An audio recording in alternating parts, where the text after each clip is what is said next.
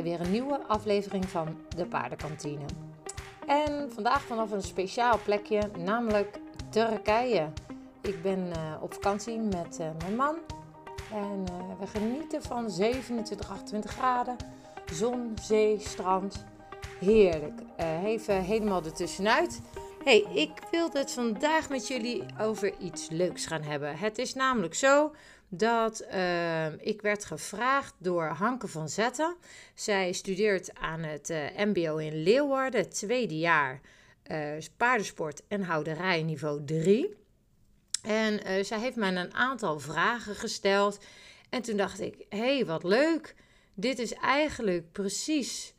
Ehm, ja, misschien waar andere mensen ook wel nieuwsgierig naar zijn en willen weten, nou ja, hoe los je dat dan à Mendels op en waarom? Want ja, in vele opzichten is Mendels methode best wel anders. Uh, in die zin uh, dat het in mijn beleving vaak een stukje duidelijkheid geeft. Uh, het is meer een Jippe-Janneke taal, zodat een ieder het zou moeten kunnen volgen. En als dat niet zo is, dan zoek ik naar een methode of een manier om nog iets duidelijker te zijn. Uh, maar daaraan heb je natuurlijk uh, ook als uh, ruiter of als trainer bepaalde specifieke vragen waar je het liefst gewoon bam een antwoord of een oplossing op wil. En ja, in de paardsport is het natuurlijk lastig, hè, want dat merk ik wel met bijvoorbeeld jureren. We hebben dan een, een groepsapp met al de juries erin en dat is super handig als je dan ergens mee zit. Maar wat vaak natuurlijk ehm, ja, eigenlijk te, ja, komt, is dat je een beeld ziet. En aan de hand van het beeld, hè, je begint met een 10 in je hoofd. Dan zeg je, nou, dat is niet helemaal goed, dat is een 9, dat is niet helemaal goed, dat is een 8. Nou ja, en zo ga je naar beneden. Dat is een beetje het idee van het systeem. Um, maar dat beeld kan natuurlijk ook wel persoonlijk zijn. Dus wanneer um, ja, je een vraag hebt over iets uh, omtrent uh, paardrijden, kan dat ook natuurlijk een rol spelen. De een ziet dit liever als dat. Um, tuurlijk heb ik ook mijn voorkeur, maar ik wil eigenlijk geen onderscheid maken. En daarmee bedoel ik, ik wil dingen zo um, zwart-wit mogelijk kunnen uitleggen. En als ik dat niet kan, dan probeer ik toch naar iets te zoeken wat zo dichtbij komt. Uh, dat men het wel uh, ziet of zelf voelt. En dat is dat het geen abracadabra is. Maar goed, ja, dat is uh, misschien een beetje mijn uh, dingetje, omdat ik zelf jarenlang les heb gehad uh, bij verschillende instructeurs. en, en dan niet alleen voor paardrijden, maar ook bijvoorbeeld voor turnen en zwemmen. En dat ik altijd dacht, ja, oké, ik ga het proberen wat je bedoelt, wat ik denk dat je bedoelt. En dan kan je heel hard je best doen, maar als je niet op één lijn zit, ga je het niet vinden. Dus dat maakt het lastig. En nou heeft uh, Hanke, die heeft uh, voor uh, school duidelijke vragen die ze moet stellen aan een beroepsruiter. En zij vroeg of ik daar aan mee wilde werken. Nou, dat vind ik natuurlijk altijd superleuk. Want ja, hoe meer mensen weten hoe Mendels methode in elkaar zit, hoe makkelijk het is. En hoe fijn daarbij je paard eigenlijk op gaat. En jij zelf ook trouwens. Uh, hoe meer mensen, hoe beter. Dus ik dacht, ja hoor, kom maar op. Dus zo geschieden. En uh, nou ja, we hebben natuurlijk eerst even gewoon telefonisch contact gehad. En moet zeggen, ik ben natuurlijk een makkelijke klets. Maar dat is Hanke ook. Dus dat is ook wel heel grappig. het enige was, het was even lastig met plannen. Want ja, wanneer komt het uit om even te bellen? En ja, hoe lang is even? Nou ja, dus uh, de ene was, uh, ik ben er rond kwart voor drie. Uh, ja, het liep even anders. Kan het over 30 minuten? Ja, dat kan ook. maar morgen kan ook. Nee, straks is het prima. Nee, voor mij is het nu anders geworden. Ik moet naar mijn werk. kan het morgen? Ja, probeer maar. Nou ja, enzovoort, enzovoort. Maar uiteindelijk is het gelukt. Ik zat in de auto van de ene klant naar de andere klant. En ik, ik, moet soms echt wel een half uur, 35 minuten reizen. Uh, voordat ik uh, bij de volgende klant ben. En nou, daar zijn er dan wel een paar, dus dat scheelt dan weer. Maar als ik dan daar in de auto zit, ja, weet je, dan is dat eigenlijk helemaal prima om dat soort dingen te doen. Als ik natuurlijk ook op de weg let en netjes me aan de afspraken houd van de weg. Nee, maar dat is onzin, maar dat lukte ook allemaal prima. Ik kan heel veel dingen tegelijk. Mijn batterij is bijna eigenlijk altijd vol. Dus we gingen ervoor. Ehm, nou ja, en toen hebben ze mij een paar vragen gesteld. En die ga ik er eens even bij pakken. Even kijken. Hier staat: hoe werkt de ruiter gedurende de opleiding van het paard steeds weer aan het scala der africhting, der ausbeelding? Uh, nou, hoe werkt een ruiter daaraan? Kijk, ik denk als je als ruiter uh, heel goed capabel bent natuurlijk om een paard op te leiden, um, dat je dat altijd in je achterhoofd houdt. Hè? Maar als je nou het scala hebt, um, en dat is misschien wel even handig voor degene die niet weten wat ik hiermee bedoel. Dat is natuurlijk tact, ontspanning, aanleuning, daarna impuls, recht richten en uiteindelijk kom je dan tot verzameling. Ehm, wanneer je als uh, paardentrainer traint, ehm, dan hou je dat in gedachten. Maar er zitten voor mij wel een uh, aantal zaken die ik uh, net een beetje anders doe. Want um, ik ben van mening dat als ik een jong paard opleid en ik ga de hele tijd zitten zeuren over de tact, uh, ik vind dat zeuren, want een paard komt met zijn of haar karakter. En daarmee bedoel ik even heel zwart-wit: je hebt een traag paard en je hebt een snel paard. Als je dat snelle paard de hele tijd zegt wachten, wachten, wachten, wachten, wachten. En dat traag paard de hele tijd zegt loop, loop, loop, loop, lopen dan worden ze daar allebei niet vrolijk van. Want de, het wachtende paard, die wordt de hele tijd tegengehouden in de mond, krijgt een bek van beton. Het schoppende, of het, het strage paard krijgt de hele tijd schoppen, schoppen, schoppen. Is op een gegeven moment niet meer aan de hulpen. Dus ook daar heb ik dan gewoon niks mee. En dan kan je zeggen, ja, maar jij bent als ruiter daar toch zo goed in. Dus dat kan jij mooi uh, in een vat gieten, zodat dat paard dat snapt. Uh, ben ik mee eens. Maar ik denk dat het fijner is voor een paard om eerst een stukje uitleg op de grond te krijgen. En daarmee bedoel ik, wat betekent stap, wat betekent draf, wat betekent galop. En dat, ze, dat hij zich daarin ontspannen voelt. En ontspannen is dus voor het snelle paard snel in stap, snel in draf, snel in galop. En voor het langzame paard zal dat langzaam in stap, langzaam in draf, langzaam in galop zijn. En het hoeft niet jaren te duren. Hè? Neem dat voor mij aan. Dit gaat echt best wel snel. Maar op het moment dat ik dit respect naar mijn paard stuur, uh, merk ik dat ik van mijn paard feedback terugkrijg. Dus het snelle paard laat zijn vluchtgedrag op een gegeven moment los en gaat ontspannen. Maar ook het trage paard laat zeg maar dat, dat van, moet het nou? Ik heb geen zin. Dat laten ze ook los. En uiteindelijk krijg je dus een heel mooi ritme, wat op dat moment bij dat paard hoort.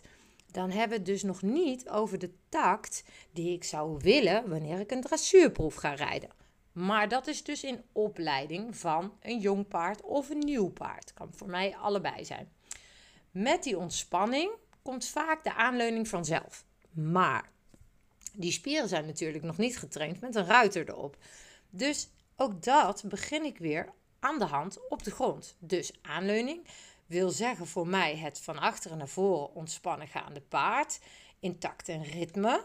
Maar omdat de tact misschien nog niet goed is, zal de aanleuning ook nog niet goed zijn. Dit is natuurlijk niet erg op het moment dat ik weet waar ik mee bezig ben. Want uit aanleuning komen zoveel problemen dat ik de paarden eerst fases leer. En daarmee uh, doe ik dus eerste, tweede, derde fase. En daarmee hou ik dus contact. Tweede fase, denk aan uh, laag los. Derde fase, hals trekken. En wanneer dat paard dan in die fases uh, zichzelf steeds langer laat worden, laat zien aan mij dat hij die bovenlijn kan aanspannen, um, gaat hij mij teruggeven dat hij klaar is voor het volgende werk. En dat hij dus bijvoorbeeld uiteindelijk die aanleuning vanuit zichzelf kan laten komen. Dat is het fijne als we bezig zijn met paarden. Dat we kunnen zeggen van oké, is hij er klaar voor? En daarom blijf ik constant feedback vragen aan mijn paard. Als we dan praten over impuls, wanneer het paard in spelletjes heeft geleerd om uh, aanleuning verbinding te krijgen, ontspanning en tact, ehm, is het voor het paard impuls eigenlijk niet zo echt een probleem. Want in de spelletjes, en zoals in mijn boek bijvoorbeeld, dan ehm, zit ik bijvoorbeeld al op uh, rechtrichten met een wiebertje, dweilen met uh, buigingen, um, fases voor de ontspanning. Omdat je met de spelletjes van het boek zo'n gedoseerde mooie opleiding voor je paard hebt en voor jezelf, um, kun je zelf heel goed voelen wat hij al lichamelijk wel of niet aan kan. Want op het moment dat een paard zijn hals niet durft laten vallen met halsstrekken, is het natuurlijk wel gek, want hij kan wel gras eten. Dus dat betekent gewoon dat hij dat in die spier of in de balans nog niet kan. Met jou erop. Dus als jij dan wil dat dat paard dat wel voor je gaat doen van achteren naar voren over de rug, dan zal je dus moeten kijken van, kunnen kijken, want dat is natuurlijk ook, ja, waar, ligt dat nou aan?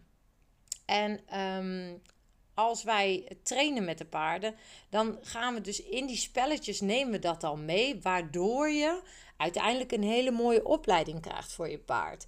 En dan is bijvoorbeeld rechtrichten ook niet een probleem of verzameling.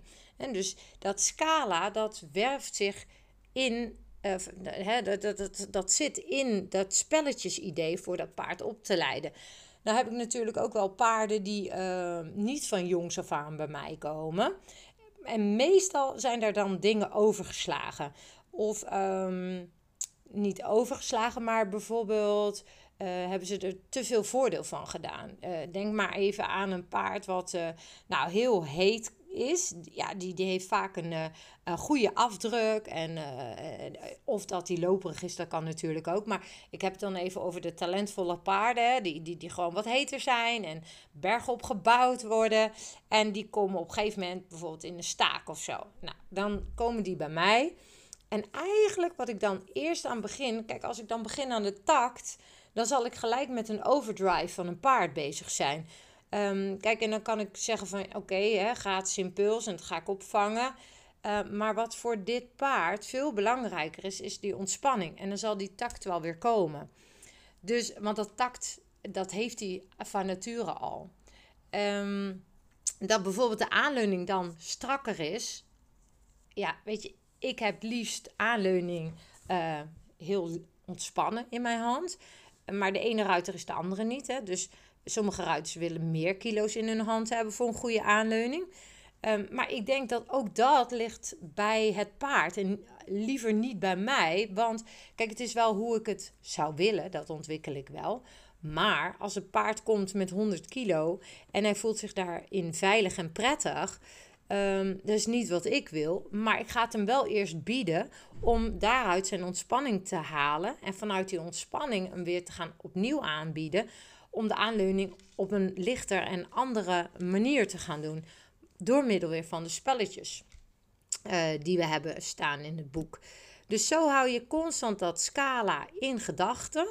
En uh, ja, train je eigenlijk elk paard wel uh, met, de scala, met het scala in gedachten. Even kijken, dan gaan we naar de vraag 2. Wel, welke specifieke oefeningen past de ruiter toe? En zit er verschil in leeftijd of niveau van het paard en welke? Uh, ja, nou ja, zoals ik al zei, we hebben een boek met 25 onderdelen. Uh, waarvan uh, wij eigenlijk eh, zeggen, nou, dat moet elk paard gewoon kunnen. Ehm, ik begin gewoon in stap met iets uit te leggen. Lukt het goed, ga ik naar draf. En lukt het nog goed, dan ga ik naar galop. behalve dan de wissel eventueel, hè, dus dan hou je het op één lijn. Maar voor de rest doe je alles op twee kanten. Uh, en dan ben ik super fan, omdat uh, het wievertje is een op zijn kop vierkantje, moet je bedenken.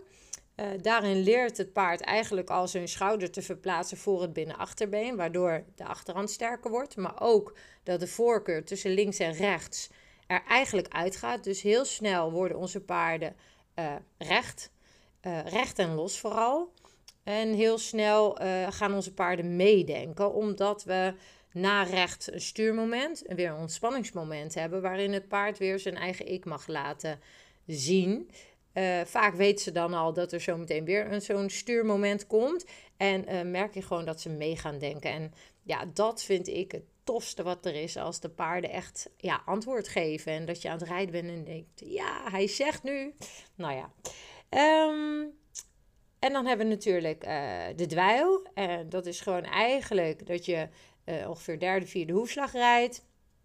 Twee passen naar links heen en weer, of twee passen naar links stuurt met je paard. Dan weer terug over de ja, derde hoefslag. En dan kom je weer uit op de hoefslag. En zo ga je van links naar rechts uh, met een stuurmoment en een losmoment. En afhankelijk van uh, niveau of begrip uh, maak je de dweilen moeilijker of makkelijker. En ook deze vind ik super fijn, omdat je dan ook gelijk feedback hebt over de holle kant, de bolle kant.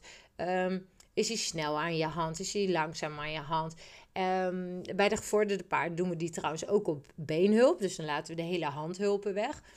En dat zijn allemaal van die uh, ja, oefeningetjes ook om voor jezelf als ruiter handig te blijven. Om jezelf en je ledematen op te splitsen in verschillende hulpen.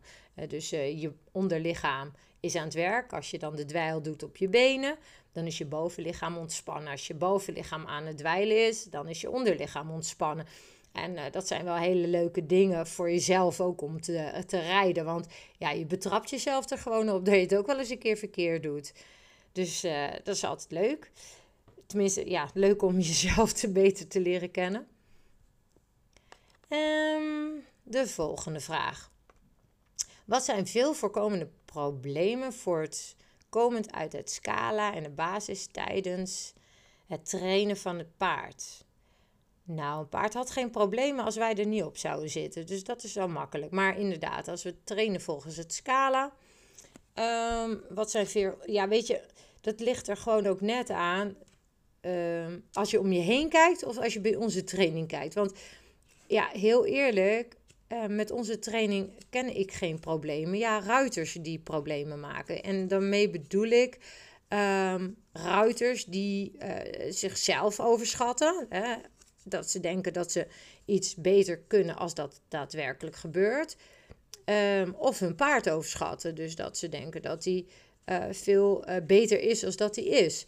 Weet je, en beide gevallen is natuurlijk gewoon shit. Want je wil allemaal uh, zelf Ankie zijn en, en het paard uh, bonfire. Um, dus ik denk dat daar best een lastig probleem zit. En we doen er natuurlijk ook heel veel voor. Zo'n paard rijden is natuurlijk niet niks. Het is um, een levensstijl. En daar heb je heel veel geld, heel veel tijd en heel veel energie voor nodig. Dus je wil het op je best doen. Uh, op het moment dat, uh, dat er problemen ontstaan, uh, dan moeten we eerst hand in eigen boezem steken. En dat doe ik dus ook regelmatig. wanneer ik iets zie bij mijn paarden, dan ga ik eerst kijken van, nou oké, wat zou ik anders kunnen doen of uit kunnen leggen of een spier kunnen trainen, waardoor mijn paard verbetert. en daar kan ik best wel echt een analyse op nalaten. Uh, desnoods met uh, trainers uh, overleggen, met andere trainers of met een osteo of een dierarts, om het beste resultaat uit mijn paard te krijgen. Um, maar ja, als ik om mij heen kijk, dan zie ik vooral problemen met aan de teugel rijden, aanleuning, verbinding, ehm, tact. En dan heb ik het eigenlijk verder nog niet eens over de rest van de scala het lijkt wel of mensen, ehm, als ik om mij heen kijk, gewoon 24-7 bezig zijn met dat aan de teugel rijden. En dat is erg jammer, want um, ja, zoals ik al zei, weet je, als, je, als jouw paard die spieren niet klaar heeft, uh, dan gaat het niet gebeuren. En dan kun je maar beter zorgen dat je de spieren bewerkt, zodat je in elk geval elke les of elke training met een succes afrondt, zoals ik dat eigenlijk gedaan heb. Um, want als ik uh, dus besef door uh, aan de teugel te willen rijden, zeg maar, ik noem maar even zijstraat, en mijn paard doet het niet, dan kan het van alles betekenen. Um, maar als ik kritisch daarna ga kijken, dan vind ik misschien wel drie dingen. Nou, laten we even zeggen, ik zie dat hij uh, te weinig tact heeft, dat hij niet voorwaarts is en niet over de rug komt. Ik noem even zijstraat. Nou, dan ga ik bijvoorbeeld fases oefenen. Eerste fase bovenin, tweede fase laag en breed, derde fase hals strekken. Maar dat kan ik bijvoorbeeld in alle gangen doen. En dat kan ik bijvoorbeeld uh, zeggen tegen mezelf: oké, dan ga ik een grote volte bij A en dan ga ik drie keer een stap dat doen. En dan drie keer een draf, drie keer in galop. En als me dat een soort met lukt, dan kan ik dus wel super blij mijn training afsluiten. Natuurlijk op twee kanten. Maar um, wat ik heel vaak zie is dan gefrustreerde ruiters als zij dat stukje niet bij elkaar hebben gekregen. Of ja, als die wel 90% niet aan de teugel heeft gelopen, maar 10% wel, dat ze daar dan blij mee zijn. En dan denk ik, ja, maar uiteindelijk ben je ook niks aan het oefenen voor morgen. Want als jij in die 10% geluk hebt gehad dat dat paard kwam, met welke trainingsideeën kwam je dan? En daar mis ik vaak uh, dingen in. Ehm, maar goed, weet je, dat is ook als je om je heen kijkt. Hè? En um, ik heb natuurlijk in de loop der jaren uh, mijn eigen eilandje om me heen. En um, al die mensen zijn uh, best wel heel uh, gestructureerd met hun paard bezig. En wij trainen ook, we krijgen elke week krijgen ze van mij een nieuwe les. En in die nieuwe les bespreek ik hoe, wat en waarom. Dus ik kijk naar de ruiter, naar het paard. Het kan een standaardles zijn, maar het kan ook een les zijn dat ze op dat moment even nodig hebben voor een bepaalde spiergroep. En dan um, ja, wil ik het zo uitleggen aan hun dat zij begrijpen wat ze dat paard moeten gaan uitleggen. En dan binnen hun mogelijkheden. Maar, hè, want laten we heel eerlijk zeggen, een zetruiter kan ik veel meer laten doen binnen haar mogelijkheden als een recreant. Dus zo probeer ik dan in elk geval over elke les na te denken en zo elke les huiswerk mee te geven. Die week erop gaan we het erover hebben. Hoe is het gegaan? Wat ben je tegengekomen?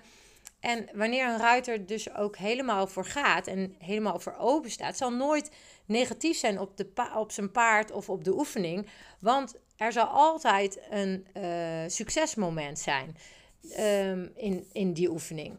Maar wat wel gebeurt, is dat de ruiters uh, weer een pasje verder zijn gegaan als dat ze op dat moment misschien wel of niet, maar hè, capabel konden zijn, waardoor ze denken, hé, ja, maar, dat lukte net niet.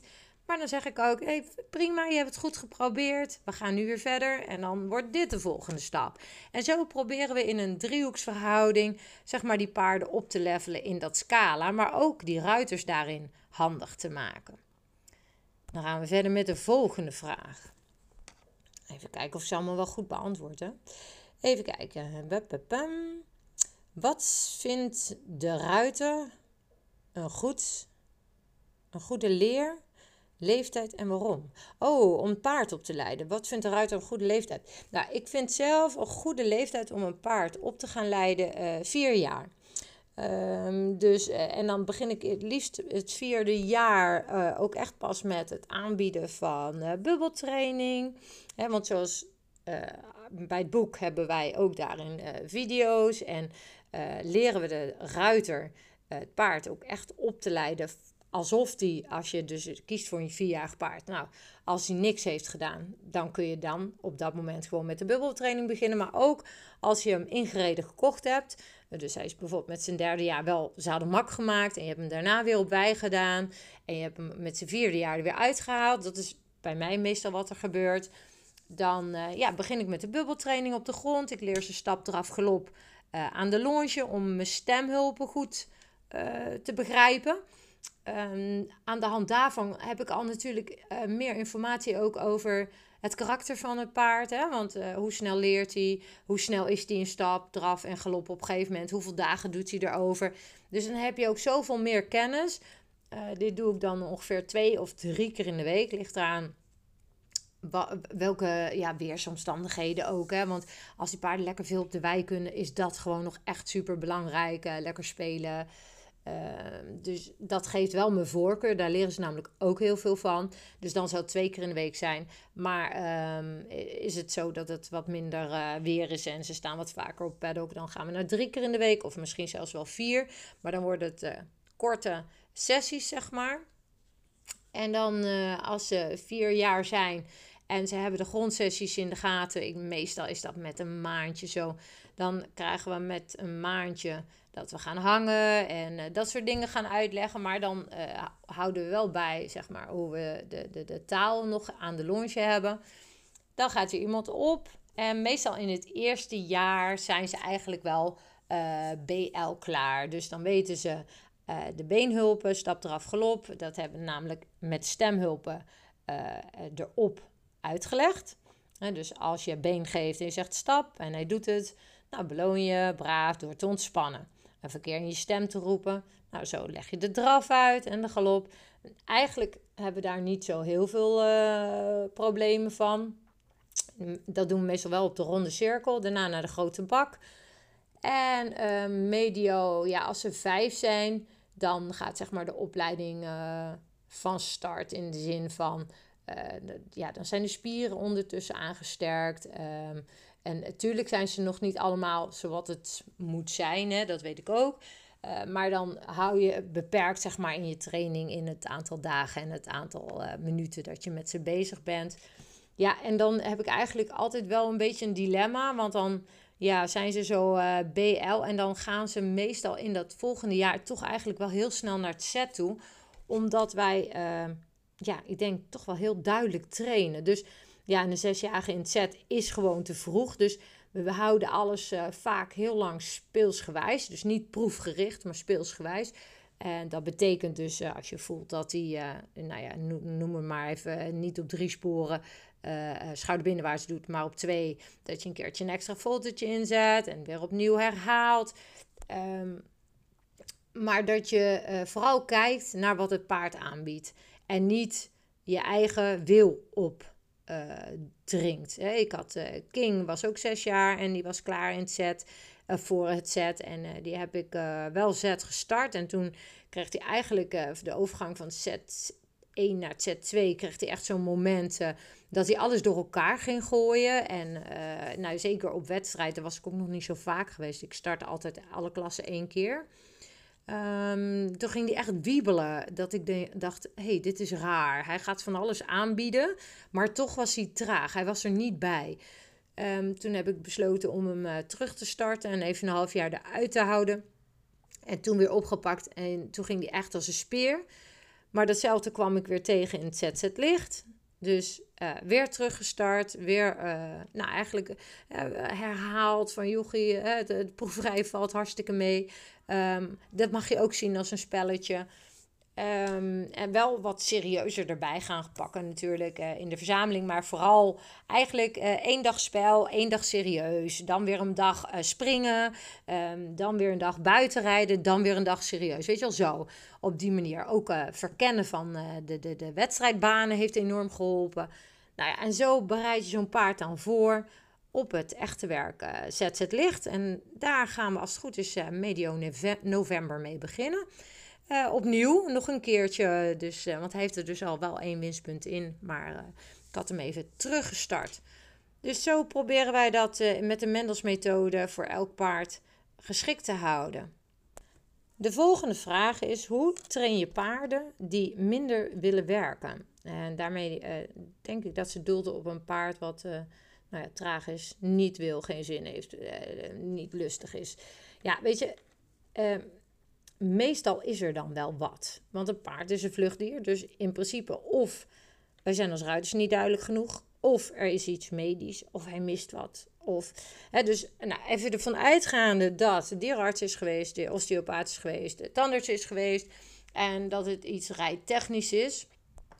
Um, dan ga ik eigenlijk uh, kijken van, ja, als ik hem zelf train, uh, ga ik kijken of ik consequenter kan zijn, uh, maar kortere opdrachten doe, omdat het lange termijn geheugen lastiger is voor een paard. zeker als ze traag zijn, want dan komt toch hun eigen gedrag en instinct terug. En als dat paard nou eenmaal dat instinct en gedrag vertoont, dan zal het heel lastig zijn om dat om te turnen. Maar ik probeer het zo leuk mogelijk te maken. Dus korte vragen stellen aan hem door middel van kleinere hulpen. En de beloning eigenlijk goed erna te doen. Dus of gelijk ja, erop. Want timing op zulke paarden is eigenlijk alles.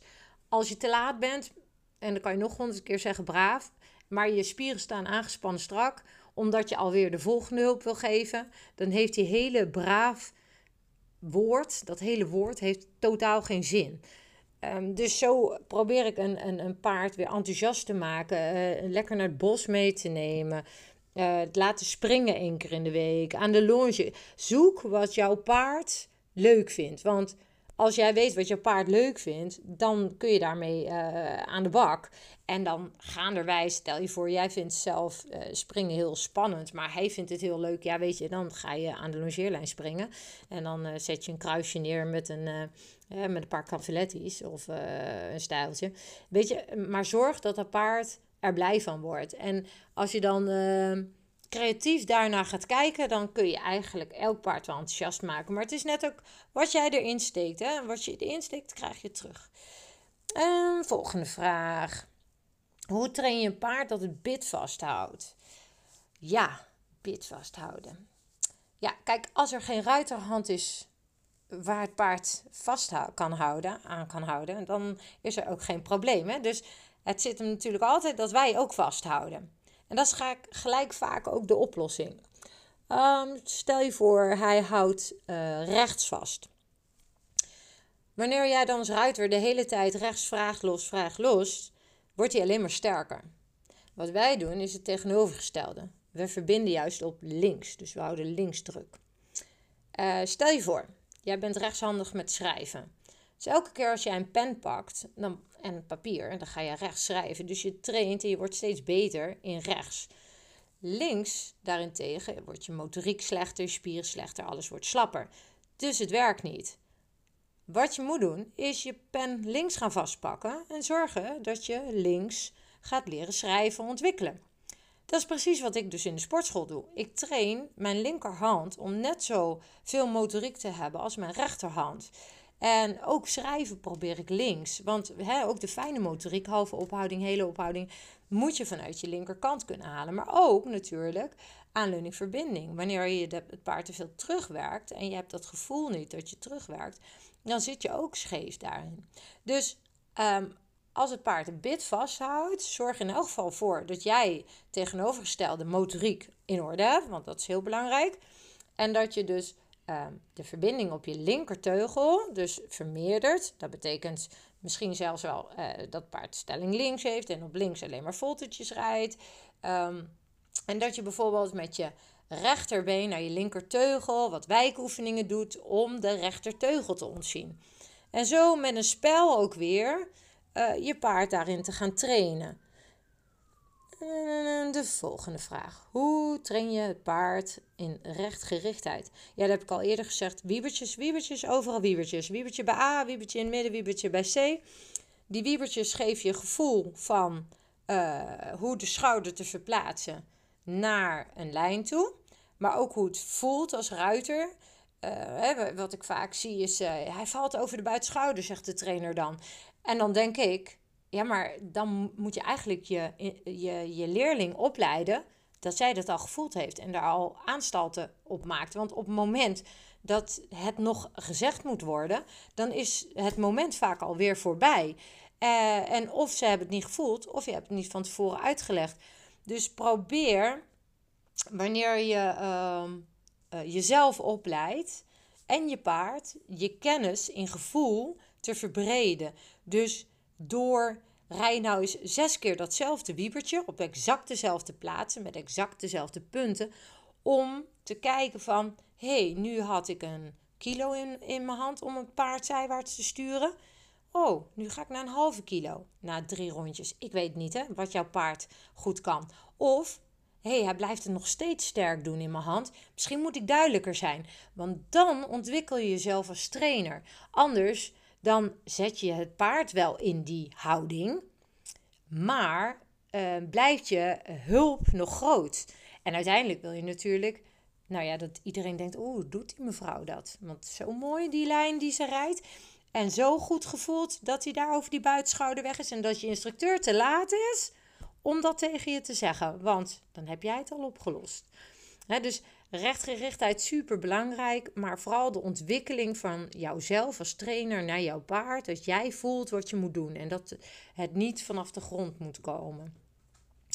Um, hoe train je een paard dat de hals vastzet? Ja, dat is ook weer zo'n dingetje. Wanneer zet je paard zijn hals vast?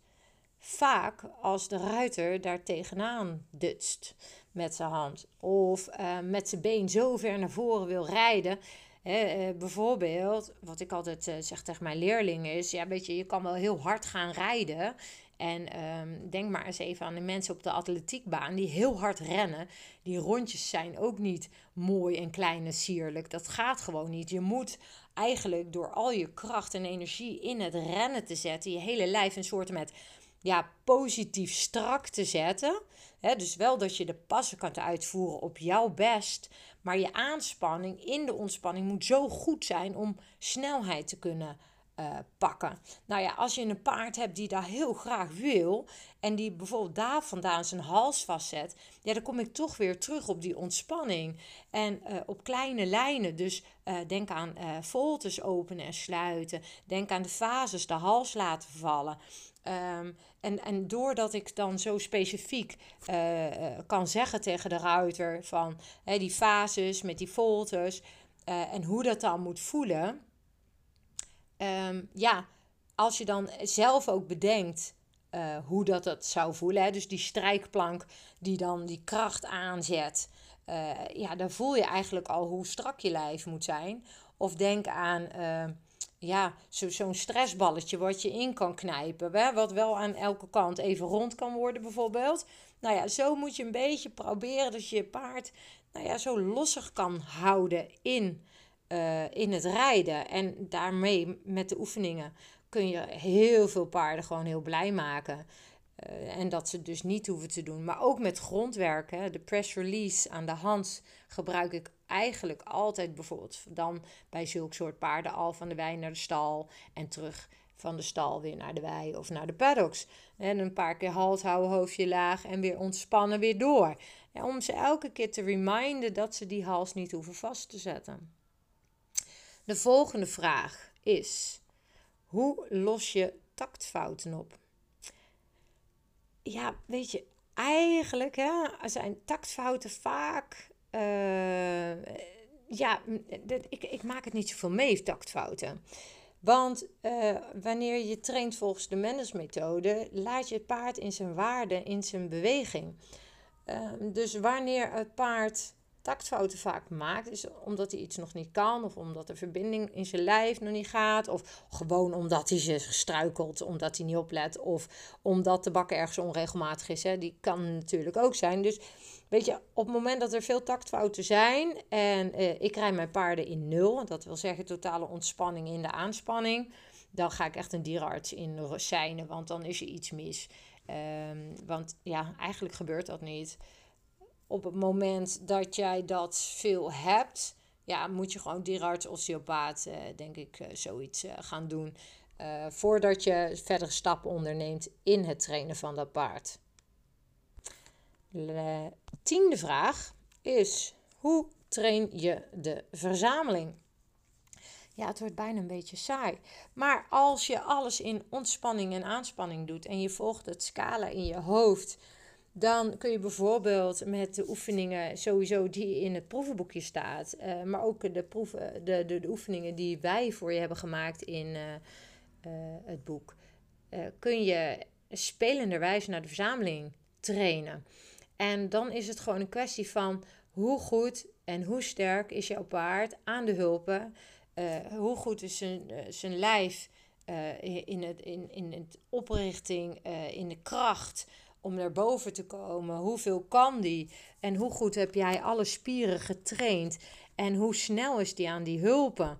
Ehm, eh, dus als je specifiek dat als doel hebt, nou ja, dan praten we al over ruiters die natuurlijk MZ-niveau rijden. Ja, wat ik zelf een hele fijne vind, is uh, in schouderbinnenwaarts schakelen. En daarmee uh, zeg ik dus, we zetten het paard in schouderbinnenwaarts. Eerst zonder stelling, zonder buiging, alleen naar geeflijkheid terug naar stap, weer naar draf, terug naar stap, weer naar draf. Hoeft echt niet heftig te zijn.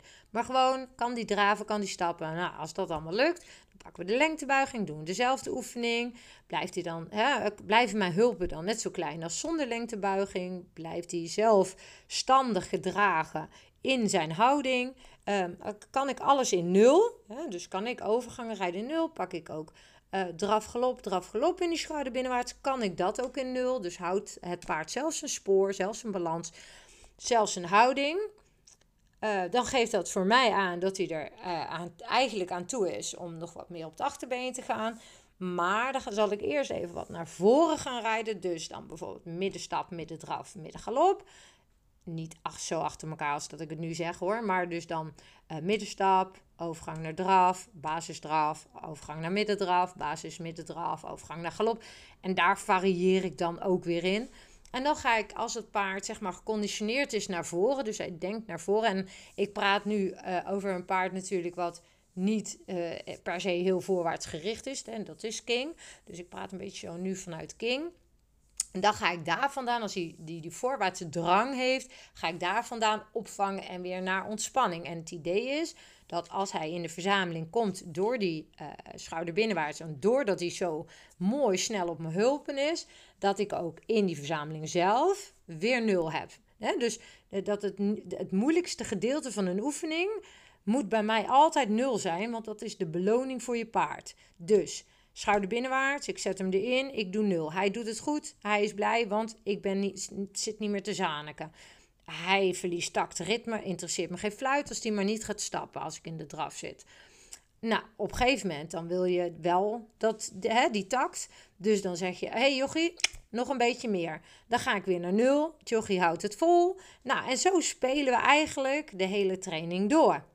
En dan ontstaat die verzameling. En de laatste vraag. Oh, dat is 12. Wat is het beste te doen bij een paard met spanning? Ja, we hebben het al meerdere keren gezegd. Uh, ik kom eigenlijk niet aan een paard met spanning. Ik zit daar niet op in die zin. Uh, het is niet een kwestie van niet durven, geen lef hebben. Ik heb genoeg uh, paarden gereden met spanning in het verleden. Alleen ik heb altijd gemerkt dat het niet helpt. In, uh, in de, het paard zijn ogen heb ik het idee dat ik met veel te veel vragen kom wanneer ik erop zit. En dat kan voor het ene paard al zijn het erop zitten, voor het andere paard zijn het wegstappen. Um, dus ik probeer een paard met spanning eerst op de grond zich heel goed te laten voelen. En vooral zijn eigen successen uh, te laten ervaren. Uh, dus wanneer, ik noem maar wat, hij vindt het al doodeng om de bak in te gaan. Ik noem maar een zijstraat. Dan zie ik altijd ruiters aan de binnenkant lopen van de baan. En denk, oh, maar als dat paard nu schrikt. Want hey, in het midden van de rijbaan is alleen maar zand. Dus de kans dat hij schrikt van iets omdat hij gespannen is, omdat het een vluchtdier is, is best groot. Lijkt het me veel verstandiger als de ruiter op de hoefslag loopt bij het enge.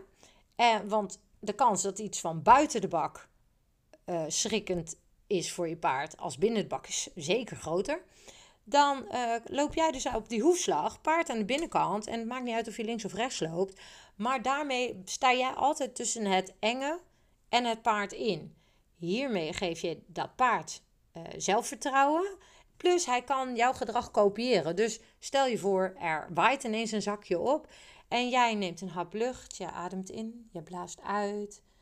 En je probeert je hoofd laag te houden en je energie naar beneden dan gaat dit paard dit op een gegeven moment wel kopiëren. En het zal niet gelijk zijn.